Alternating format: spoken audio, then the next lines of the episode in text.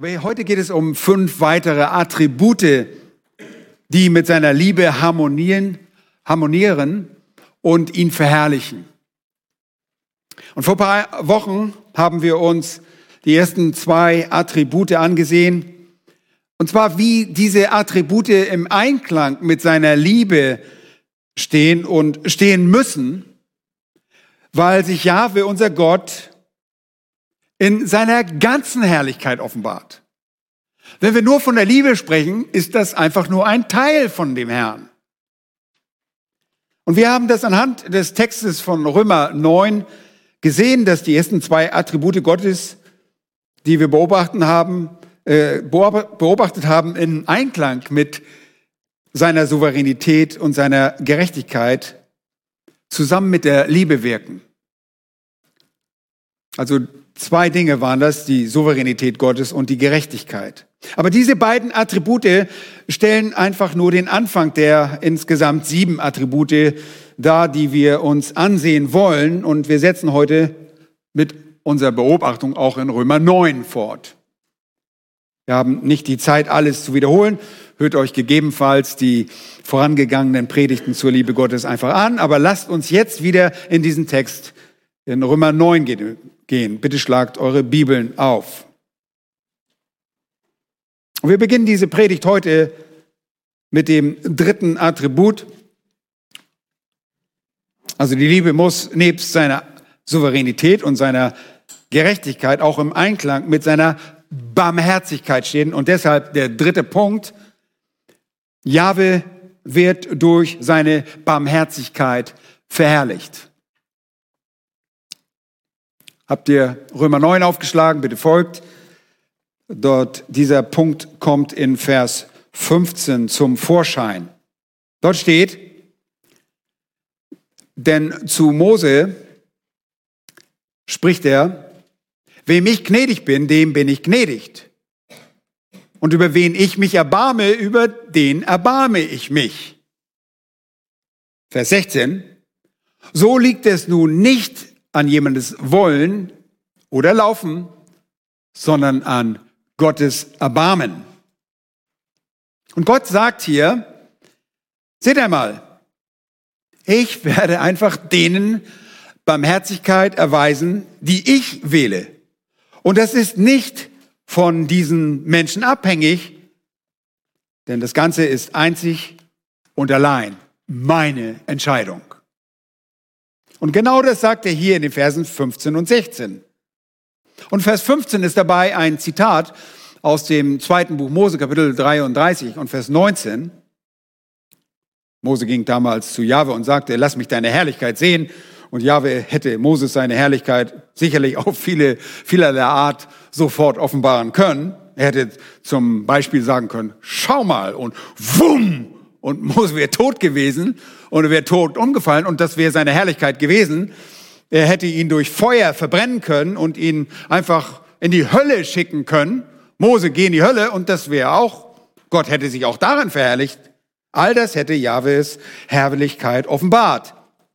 Das ist so. Weil Jahwe unmittelbar vorher, bevor Mose diese Bitte aussprach, 3000 sündige Israeliten getötet wurden. Und Jahwe hatte sie schonungslos ausgelöscht.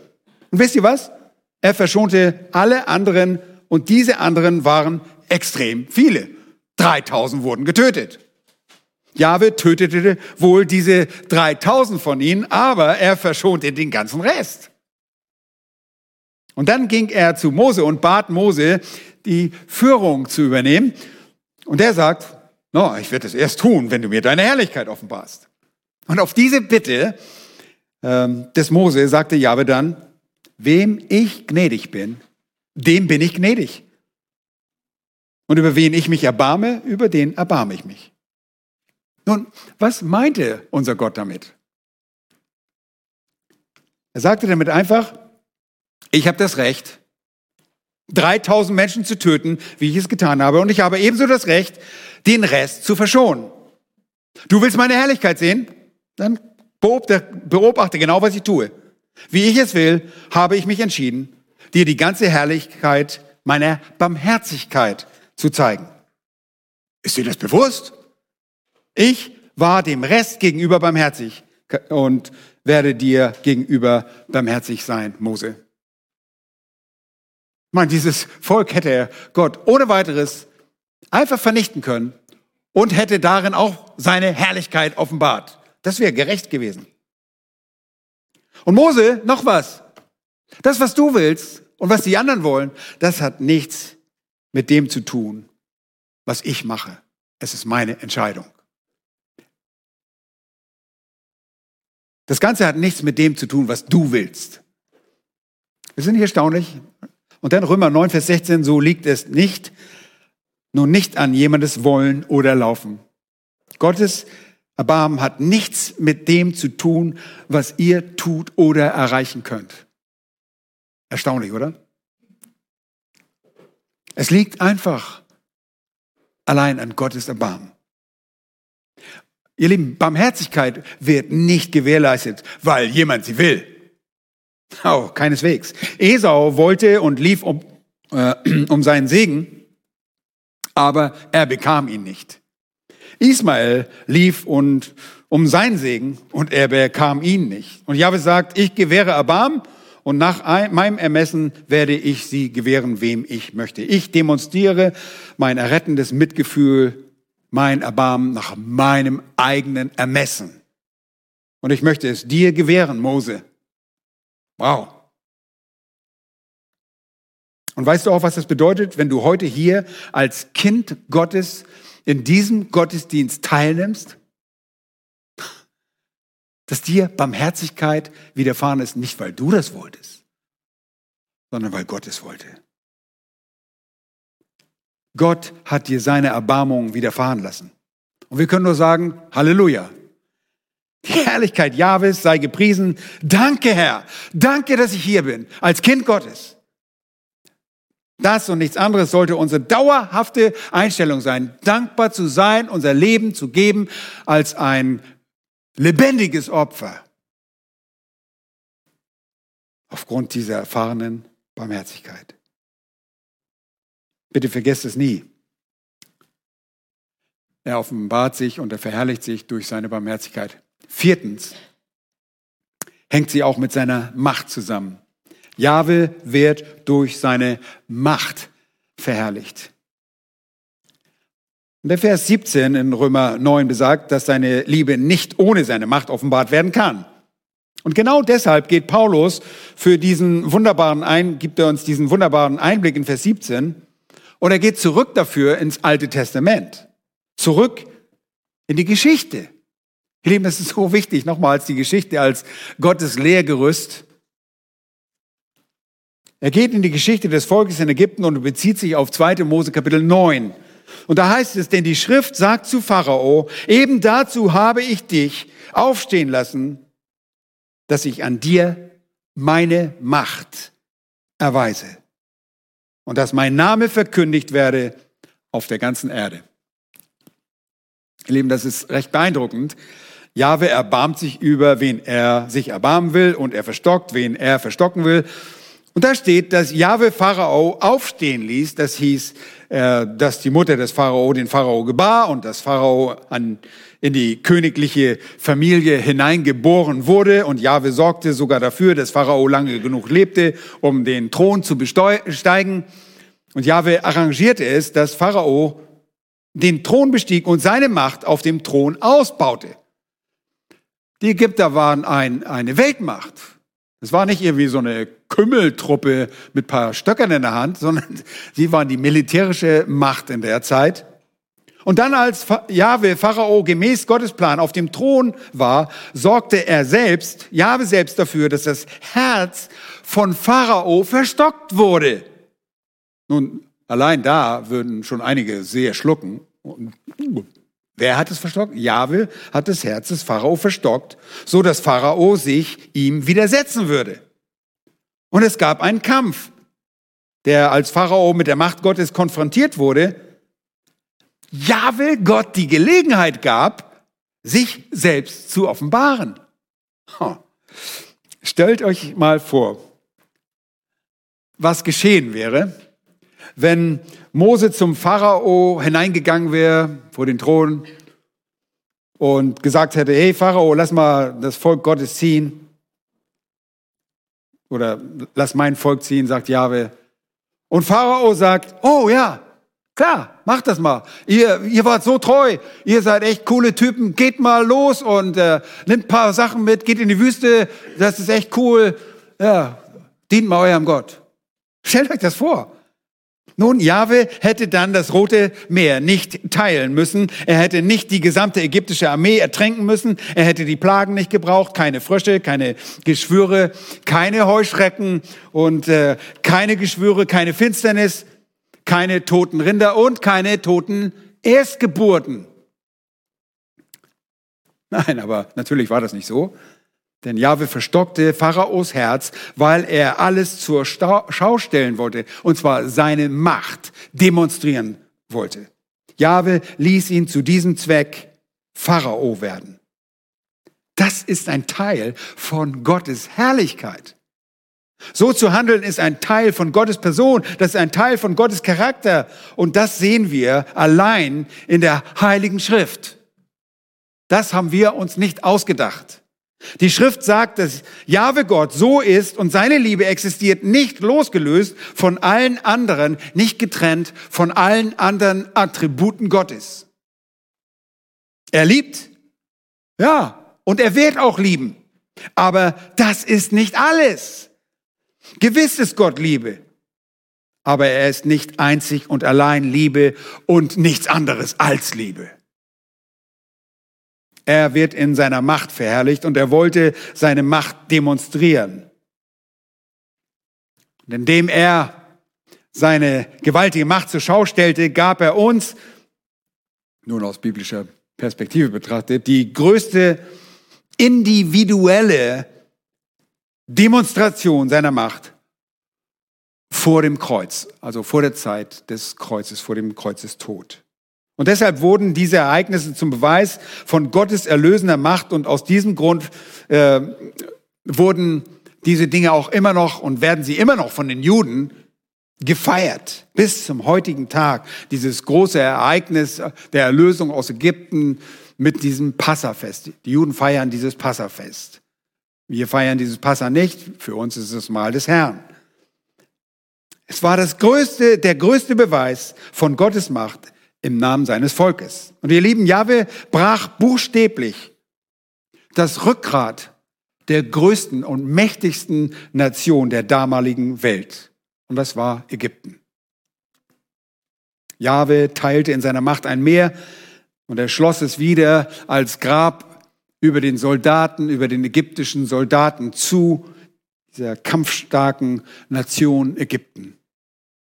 Und infolgedessen geschah das, was am Ende von Vers 17 steht, dass mein Name verkündigt werde auf der ganzen Erde. Jeder Mensch, überall hörte man, was Jahwe tat, der Gott Israels, und die Nationen begannen sich Sorge zu machen, weil sie sich erinnerten, dass der Gott der Israeliten die ägyptische Armee ertränkt hatte. Wir sehen das später bei der Landeinnahme, auch bei Rahab, die genau darum wusste. Die fürchteten sich vor Israel. Und wenn Jahwe Gott seine Macht zur Schau stellen will, wird er einen Menschen aufstehen lassen, an dem er seine Macht zur Schau stellen kann. Und das Herz dieses Menschen wird verstockt. In 2. Mose 4, 21 sagt er genau das. Ich aber will sein Herz verstocken. Unser Gott will seine Macht unter Beweis stellen und um seine Macht gegen Widerstand unter Beweis zu stellen, muss es natürlich auch Widerstand geben. Und deshalb wird Gott selbst für Widerstand sorgen. Aber ihr Lieben, all das geschieht nicht ohne den Willen von Pharao. Da steht nicht, Gott machte den Pharao zu einem Sünder. Das war er bereits. Ja, er hatte zuvor schon sein Herz selbst verstockt. Aber selbst nachdem all diese Plagen über das Land Ägypten kamen, keine Änderung im Herzen dieses Regenten. Jahwe setzt den menschlichen Willen nicht außer Kraft. Der Mensch trägt dabei selbst auch immer die Verantwortung. Und aus diesem Grund ist das Gericht Jahwes auch gerecht, wie wir gleich noch sehen werden. Nun, Mose war ein Israelit, Pharao war ein Heide. Beide waren Sünde. Beide waren übrigens Mörder. Ich hoffe, dass ihr das nicht aus eurem Bewusstsein gestrichen habt. Beide waren Mörder. Dennoch wurde Mose gerettet und Pharao ging verloren. Jahwe ließ Pharao aufstehen und seine Herrlichkeit durch die Macht seines Gerichts zu demonstrieren. Und er ließ Mose aufstehen, um seine Herrlichkeit durch seine Gnade und seine Barmherzigkeit und Erlösung zu offenbaren. Durch alles, durch all diese Dinge verherrlicht sich Gott. Jahwe ließ Mose aufstehen, damit er seine Macht der Erlösung unter Beweis stellen konnte und er ließ Pharao aufstehen, damit er seine zerstörerische Macht unter Beweis stellen konnte. Pharao war ein Herrscher, Mose war ein Sklave. Dennoch wurde dem Mose Barmherzigkeit und Mitleid zuteil, weil Jahwe Gott es so wollte. Und das erinnert uns wieder, Jahwe ist souverän. Er kann machen, was er will. Er ist Gott. Er ist nicht unser Automat. Er ist nicht derjenige, der so handeln muss, wie, äh, wie wir das wohl gerne uns vorstellen. Er ist heilig und muss Sünde bestrafen. Er ist liebevoll und muss Sünder retten. Er ist ein Rettergott. Aber wenn jeder gerettet würde, würde das seine Heiligkeit verleugnen. Wenn hingegen jeder verloren ginge, würde das seine Liebe verleugnen. Und so stellt sich Jahwe Gott durch all diese Attribute dar und verherrlicht sich darin. Und deshalb wird er durch seinen gesamten Charakter verherrlicht. Fünftens, Jahwe wird auch durch sein Gericht verherrlicht. Jahwe wird durch Gericht verherrlicht, sein Gericht. Beschaut mal in Vers 19. Jemand wird jetzt möglicherweise gleich denken, Moment mal. Du behauptest, dass Gott Pharaos Herz verstockte und sagst mir, dass er Ismael und Esau ablehnte und dass Isaac und Jakob auserwählt wurden? Du sagst mir, dass Gott Erbarmen hat über diejenigen, die er auserwählt und Mitleid mit denen, die er auserwählt und die verstockt, die er dazu auserwählt? Ich möchte dir eine Frage stellen. Wie um alles in der Welt kann er etwas an mir auszusetzen haben? Ich habe doch mit dem All gar nichts mehr zu tun.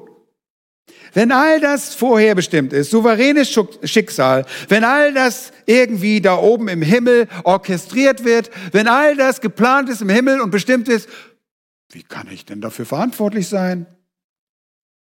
Wenn die Verstockung der Sünder bei Gott liegt, wenn alles von Gott bestimmt ist, wie kann der Sünder denn überhaupt bestraft werden? Wie kann dem Sünder die Schuld dafür zugewiesen werden? Schaut mal Vers 19. Paulus erwartet genau Fragen dieser Art. Nun wirst du mich fragen, warum tadelt er denn noch? Warum? Mit anderen Worten, wenn er all das tut, wie kann er uns dann noch dafür verantwortlich machen? Denn wer kann seinem Willen widerstehen, heißt es dort. Ich meine, wenn Gott das alles beschlossen hat, wie kann er uns dann dafür noch verantwortlich machen? Und die Antwort ist so wunderbar in Vers 20. Ja, oh Mensch, wer bist du denn, dass du mit Gott rechten willst? Wag es ja nicht, Jahwe Gott in irgendeiner Art und Weise zu beschuldigen. Er würde euch für etwas verantwortlich machen, wofür er nicht verantwortlich ist.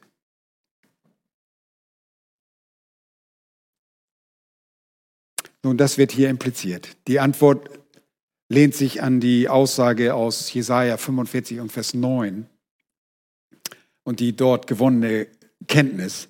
Da heißt es, wehe dem, der mit seinem Schöpfer hadert. Der Mensch muss sich mit seinem Verstand unterordnen. Ich meine, es geht mir in den letzten Tagen einfach so auf. Wir, wir sagen doch, wir glauben an einen Gott, oder? Könnt ihr euch vorstellen, dass Gott ein bisschen mehr weiß als wir? ein bisschen mehr ist gut, ne? Wenn das nicht so ist, was haben wir denn einen Gott? Was für ein Spielzeug Gott hast du dir zusammengebaut, wenn er nicht mehr weiß als du und du Fragen hast an deinen Gott? Und Fragen, die nie beantwortet werden. Und so ist das. Der Mensch ist ein Sünder und er liebt seine Sünde, er wählt seine Sünde, er lehnt Gott ab und Christus ab und er lehnt das Heil ab und er stirbt in seiner Sünde wegen seiner eigenen Ablehnung. Das ist der Grund. Und doch ist das gleichzeitig der souveräne Wille Gottes. Aber weil es Gottes souveräner Wille ist, hört mir gut zu, ist es nicht weniger die Verantwortung des Sünders. Niemand wird vor Gott sagen können, ich konnte nicht anders.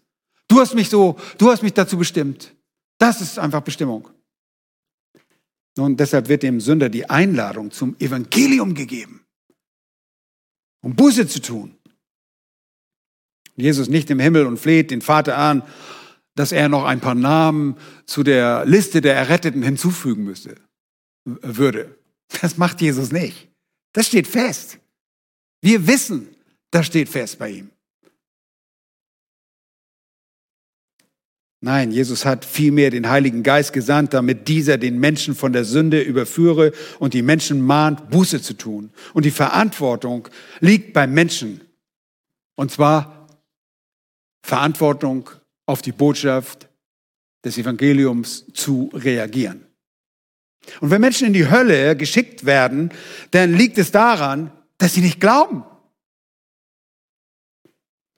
Sie werden in die Hölle geschöpft, weil sie keine Buße getan haben, weil sie ihre Sünde lieben. Sonst würde man umkehren, sonst würde man Buße tun. Aber die Menschen lieben ihre Sünde und deshalb tun sie keine Buße. Und die Tatsache, dass das so von Gott eingerichtet wurde, stellt die Herrlichkeit seines Wesens unter Beweis.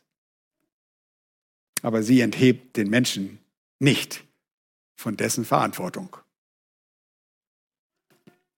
Und ich weiß, dass diese Wahrheit sehr schwer ist und dass damit verbundene Problem zu lösen ebenso. Es ist sogar so schwer, dass das niemand lösen kann. Kein Theologe. Wir können diese Diskrepanz nicht lösen. Wir können es nur glauben, weil Gott es genau so gesagt hat. Aber Geschwister, nur weil du und ich das nicht lösen können, mit unserem spatzengroßen Gehirn, sage ich immer, ja, heißt es nicht, dass Gott es nicht lösen könnte, oder? Er kann es. Und ich sage euch eins, ich werde ihn niemals anzweifeln in dieser Sache. Ich werde nie sagen, Herr, du machst das verkehrt. Und darum geht es in Vers 20. Ja, oh Mensch, wer bist du denn, dass du mit Gott rechten willst? Willst du mit Gott ins Gericht gehen? Oh, du hast schlechte Karten, kann ich dir von vornherein sagen. Du musst auf die Richterbank Gottes, nicht Gott auf deine Richterbank.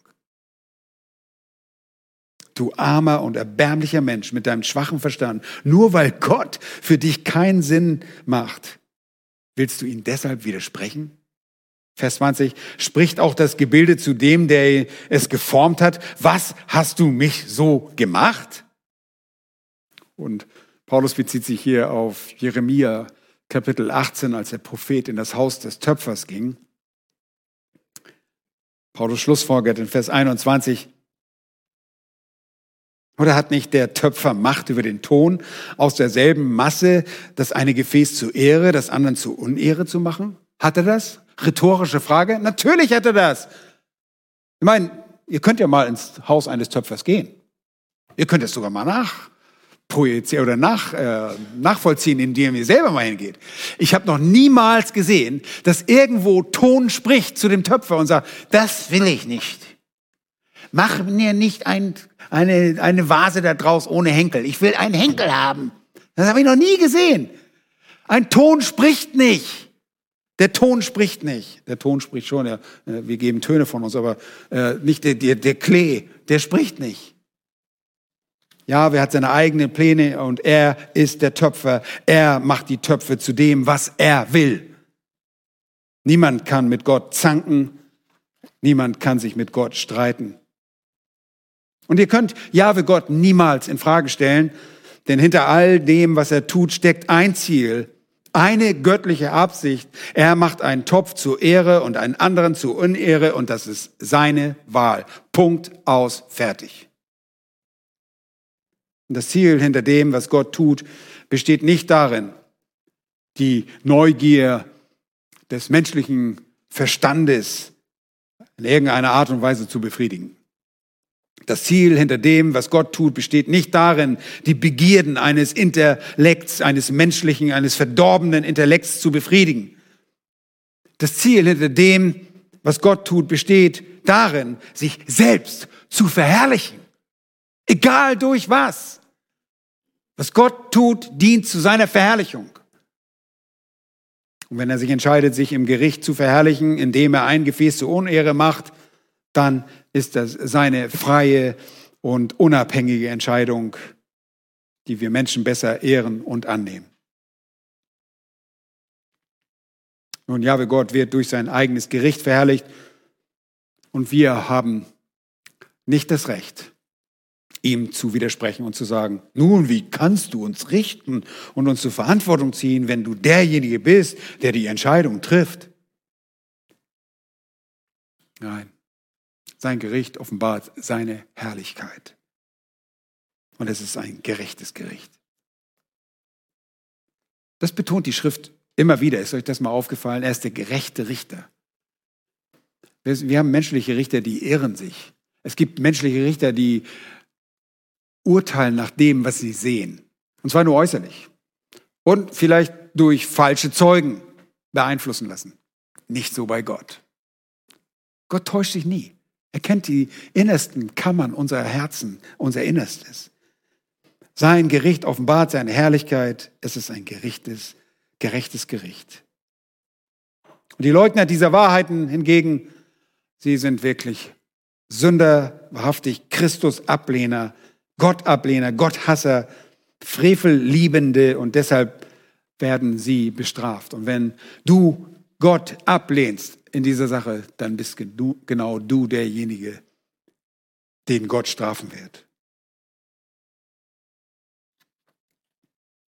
Und ihr Lieben, Gott kann das alles perfekt mit seiner Souveränität in Einklang bringen, auch wenn wir das als Menschen nicht können. Und Gott wird also in seiner Souveränität, seiner Macht, seiner Barmherzigkeit, seiner Macht, seinem Gericht und sechstens noch seinem Zorn verherrlicht. Jahwe wird durch seinen Zorn verherrlicht. Nun, auch bei diesem Punkt müssen wir natürlich immer eng am Wort Gottes bleiben. Weil bei diesen Dingen bleibt so manchem der Atem stehen. Denken, wie kann das sein? Wie kann das sein? Und so ist Gott. So ist Gott. Vers 22. Wenn nun aber Gott, da er seinen Zorn erweisen und seine Macht offenbar machen wollte, mit großer Langmut die Gefäße des Zorns getragen hat, die zum Verderben zugerichtet sind. Dieser Vers ist vollgepackt mit diesen Wahrheiten. Aber lasst uns nur kurz den letzten Ausdruck hier ansehen. Was ist, wenn Gott seinen Zorn durch unter Beweis stellen wollte? Sein Zorn. Dass er Gefäße des Zorns hervorbringt, die zum Verderben bestimmt sind. Was ist, wenn es so ist? Nun, dann wird dennoch Gott nicht in Frage gestellt. Es wird dennoch nicht ausreichen, um Gott zu entlarven einer Ungerechtigkeit. Das steht uns nicht zu. Seht ihr, wenn wir Gottes Perspektive in dieser Sache haben, ist es so einfach dass Gott durch seinen Zorn verherrlicht wird. Nun, das können wir durch menschlichen Zorn nicht sagen. Das ist eine Schande. Das ist eine Unehre für einen Menschen zornig zu sein. Es sei denn, es ist heiliger Zorn. Aber den kennen wir so gut wie nicht. Das sind Fremdwörter für uns. Das ist uns sehr fremd. David sagt in seinem Rachepsalm, und David ist uns deshalb auch weit voraus, ein gerechtfertigter Zorn. Jahwe, töte die Ungerechten. Jahwe, mein Gott, töte die Gottlosen. Töte die Menschen, die mich verfolgen. Und töte die Menschen, die deinen Namen lästern. Oh, Jahwe, zerstöre sie. Ist euch das mal aufgefallen? in den sogenannten Rachepsalm. Nix. Hm. Wir lesen das und sagen, ja, ach ja, David war so ein gerechter Mann und er liebte die Heiligkeit Gottes und wir stimmen ein und sagen, ja, wir geben die Zustimmung, töte sie, zerstöre sie. Nun, eure Zustimmung gebt ihr, wenn ihr sein Leid anseht und es, ihr gebt ihm Recht, wenn ihr niemanden von den betroffenen Personen persönlich kannte, für die David das erbittet. Wenn ich aber hier am Sonntagnachmittag in meinem Gebet auf die Kanzel steige und sage, oh Gott, töte und zerschmettere doch die Ungerechten, die deinen Namen in den Dreck ziehen. Herr, mach sie einfach platt. Ja, stell dir mal vor, ich bete so. Ja, und die Nachbarn hier, die den Stein hier rübergeworfen. Nun, dann würdet ihr einfach entsetzt sein, oder? Wir würden einfach entsetzt sein über das. Ihr würdet tief bestürzt sein weil ihr bestimmte emotionale Bindung habt, besonders wenn das eure Familie ist. Ihr habt ungläubige Angehörige und äh, ja, ihr wollt ihn natürlich gerettet sehen. Nun, im Buch der Offenbarung lesen wir über die Zerstörung von großen Teilen der Menschheit. Und die hingeschlachteten, äh, hingeschlachteten Heiligen dort in äh, Offenbarung Kapitel 6, die unter dem Thron sind, die fragen, oh Herr, Herr, wie lange noch? Du Heiliger und Wahrhaftiger, richtest du nicht und rächst nicht unser Blut an denen, die auf der Erde wohnen. Offenbarung 6, Vers 10. Und wir fragen uns, ja, Herr, wann? Wann ist es so? Wann machst du das? Beseitige sie. Nun, wir kennen niemanden persönlich von diesen Leuten, die den Heil die Heiligen getötet haben. Und da wir wirklich auch emotionalen Abstand dadurch haben, dass wir diese Leute nicht kennen, stimmen wir einfach ein und das Ganze ist viel objektiver für uns zu beurteilen, oder? Aber wehe, dein Onkel war dabei. Oh, Onkel Hans. Ja, wir wollen Onkel Hans gerettet sehen. Nun, lasst mich euch eine weitere Illustration geben. Es gibt Millionen von Engeln, Tausende und mal Abertausende von Engeln. Und einfach eine große, unbeschreibliche Zahl und Anzahl von Engeln. Nun, ein Drittel dieser Engel fielen mit Satan in dieser ursprünglichen Rebellion und sie wurden aus der Gegenwart Gottes ausgestoßen. Und diese gefallenen Engel werden die Ewigkeit in Qualen, wie wir lesen in Offenbarung, in der Offenbarung 20 auch, und äh, sie werden in den Qualen des Feuersees verbringen. Und sie sind Geschöpfe, sind Wesen, die wirklich fühlen können, die die Realität, die geistliche Realität spüren können. Und ich kann mich nicht erinnern, dass irgendjemand von euch mal zu mir gekommen ist und hat gesagt, oh, es ist so unfair, dass Gott keinen Heilsplan für Dämonen hat. Keiner von euch kommt auf die Idee zu fragen, wieso erlöst er eigentlich nicht die Dämonen? Ihr sagt, ja, bloß weg mit den, ja, diesen Geistern, bloß weg mit ihnen. Und ich glaube kaum, dass irgendjemand je beanstandet hat oder gefragt hat, wieso rettet Gott nicht all diese Dämonen? Kaum ein Mensch kümmert sich ein Deut um das Heil oder die Ewigkeit eines Dämonen. Und wenn es nach euch geht, dann können sie ruhig im Feuersee landen. Ich hoffe zumindest, dass ihr das so denkt äh, und dass ihr keine Freunde von diesen Kreaturen seid. Ich versuche euch nur aufzuzeigen, dass wir uns über das Thema der Gefäße des Zorns nur dann so echauffieren, wenn wir persönlich emotional involviert sind, involviert sind. Nur dann. Ansonsten sagt er, ja, natürlich. Idi Amin, fährt mit ihm in die Hölle. Ja, all diese Menschen, die große Verbrechen begangen haben, oh, na klar, in die Hölle mit ihnen. Und nun hier geht es darum, dass Gott Engel gesandt hat, und als die Engel einmal gefallen waren, gab es keinen Heilsplan, es gab kein Zurück, es gab keine Rettung, es gibt keine Vergebung, keine Barmherzigkeit, keine Gnade. Und Gott offenbart den Engeln seine Gnade einfach nicht. Es gibt keine Rettung mehr. Sie sind gefallen und es ist ewig. Heilige Engel dagegen, die brauchen keine Gnade. Die sind nämlich nicht sündig. Die brauchen keine Gnade. Sie brauchen auch keine Barmherzigkeit, weil es nichts an ihnen gibt, das bemitleidenswert ist. Auf der anderen Seite, gefallene Engel bekommen keine Gnade. Nun, wenn Gott also das manifestieren soll, was in Bezug auf sein Wesen wahr ist und Gnade und Barmherzigkeit und Mitleid treffen auf sein Wesen zu, dann erfordert das ein Geschöpf, das erlöst werden muss, das Barmherzigkeit, Gnade und Mitleid braucht. Deshalb kam auch Sünde in die, in die Welt, weil Gott ein Gott der Gnade ist. Und so kamen Menschen in die Welt, die er lösen konnte. So demonstriert er sein Wesen. Deshalb, ihr Lieben, sind wir auf der Bildfläche Gottes erschienen, sodass sich Gott auf jedem Gebiet seines Wesens offenbaren und verherrlichen konnte. All das aber gibt nur dann Sinn, wenn sein Zorn durch einen Kontrast offenbart wird, damit ihr versteht, was seine Barmherzigkeit und sein Mitleid und seine Gnade bedeuten. Ihr Lieben, wir haben Gnade noch längst nicht verstanden. Denkt mal an eine, ihr könnt an eine ewige Hölle denken und ich kann das auch und es lässt uns eiskalt. Wir fühlen nicht mal die Hitze dieser Hölle. Wenn wir darüber wirklich nachdenken, darüber nachsinnen im Wort Gottes, was das bedeutet, nie mehr zurück, nie mehr da rauszukommen. Und du bist begnadigt. Meine Güte, was für eine Herrlichkeit. Nur weil Gott zu jemandem gnädig ist, können wir in unserer Vorstellung nicht automatisch davon ausgehen, dass er jedem gegenüber gnädig sein muss. So funktioniert das nicht bei Gott. Ja, wer handelt in seinem Zorn. Er bereitet die Gefäße des Zorns im Voraus, weil sein Zorn eine Art und Weise sein wird, seine Herrlichkeit zu offenbaren. Und er wird durch seinen Zorn verherrlicht. Wow, das sind neue Gedanken, oder? Und vielleicht auch nicht, vielleicht habt ihr, wisst ihr das schon längst. Aber Gott wird selbst durch die Hölle verherrlicht. Nun, und schließlich, siebtens, wird er durch seine Errettung verherrlicht.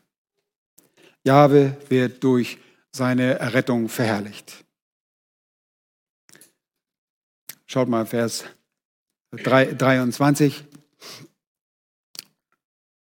zeigt an, dass er all das tat, damit er auch den Reichtum seiner Herrlichkeit an den Gefäßen der Barmherzigkeit erzeige, die er zuvor verherrlich, zur Verherrlich, Herrlichkeit bereitet hat. So war das. Er hat solche, die er retten wird. Und zwar Vers 24, nicht allein aus den Juden, sondern auch aus den Heiden und sie zeigen den Reichtum seiner Herrlichkeit. Gott wird durch das Heil, durch seine Rettung verherrlicht. Er wird durch die Gefäße der Barmherzigkeit geehrt. Und das heißt nichts anderes, als dass er diese rettet.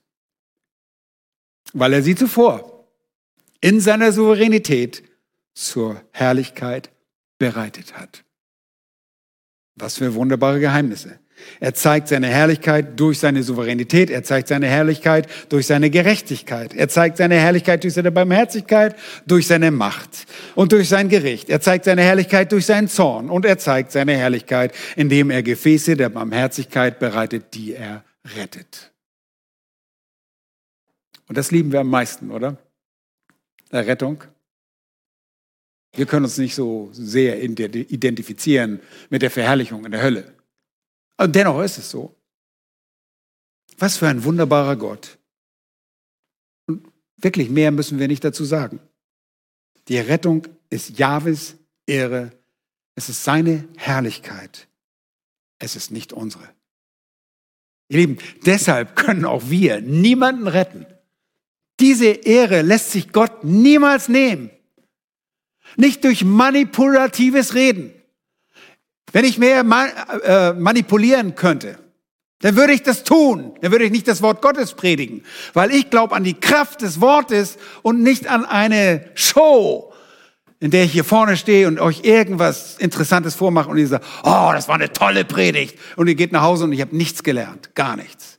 Wir wollen das Wort Gottes. Das hat die Kraft, die Herzen zu verändern. Ich habe überhaupt keine Kraft.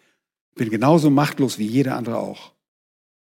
Gott wird also durch das gesamte Spektrum seiner Attribute verherrlicht.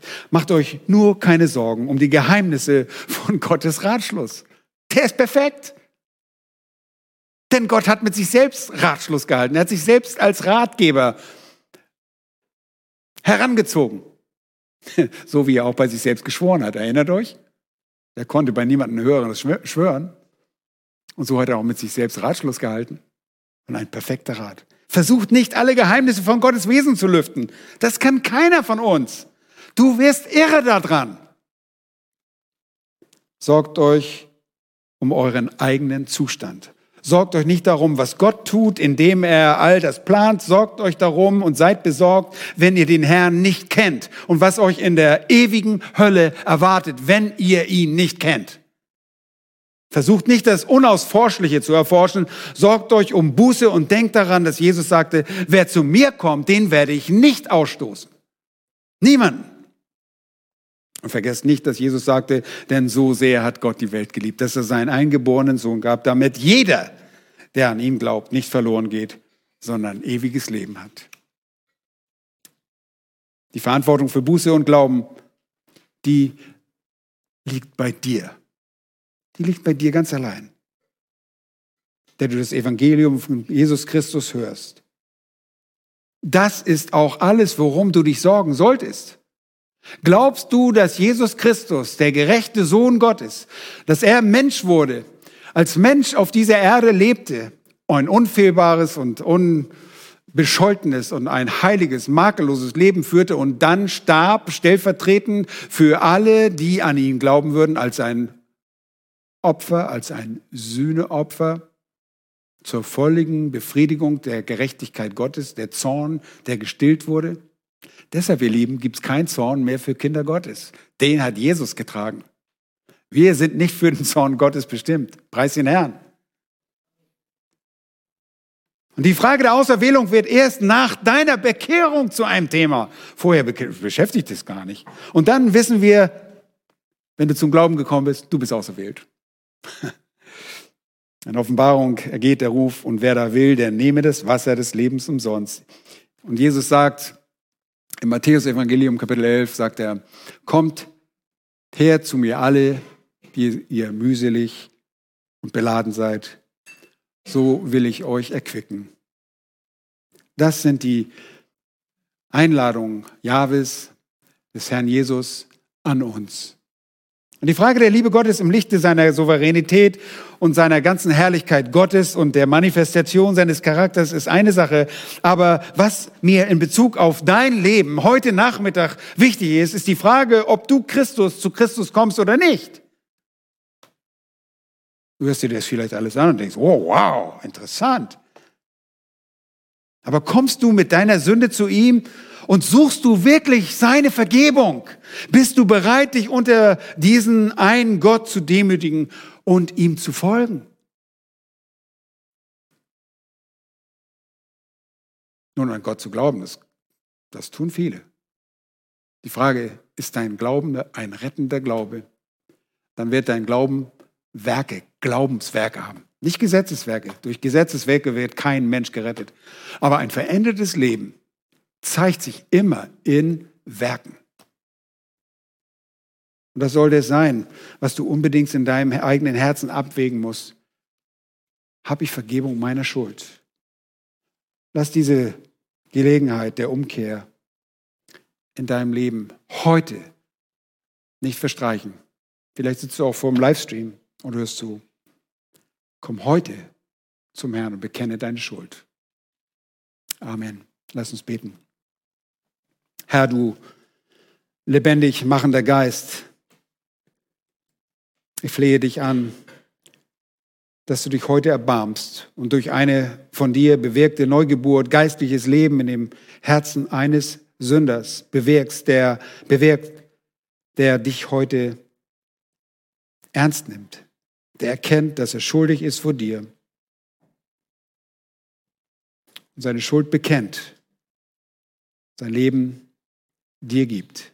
Danke für dein stellvertretendes Sühneopfer am Kreuz auf Golgatha. Du, Herr Jesus, hast deine Gerechtigkeit volle Genüge getan und den Zorn Gottes befriedet, den Zorn auf dich genommen sodass du uns, deinen Kindern, Freiheit gegeben hast. Freiheit vom Gericht, Freiheit von diesem Zorn. Dein Zorn kann uns nicht mehr treffen. Wir sind gerechtfertigt durch den von den uns geschenkten Glauben an deine einmalige Heilstat am Kreuz. Oh, wir lieben dich dafür. Danke.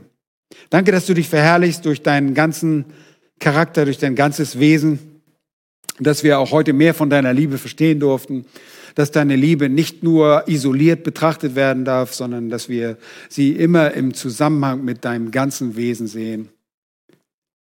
Ja, und du bist in der Tat souverän. Du bist in der Tat gerecht. Du bist in der Tat barmherzig und mächtig. Du bist der Gott des Gerichts, der zornige Gott und der Gott der Rettung. Und als solchen beten wir dich an und wollen wir dich auch verherrlichen. In Jesu Namen. Amen.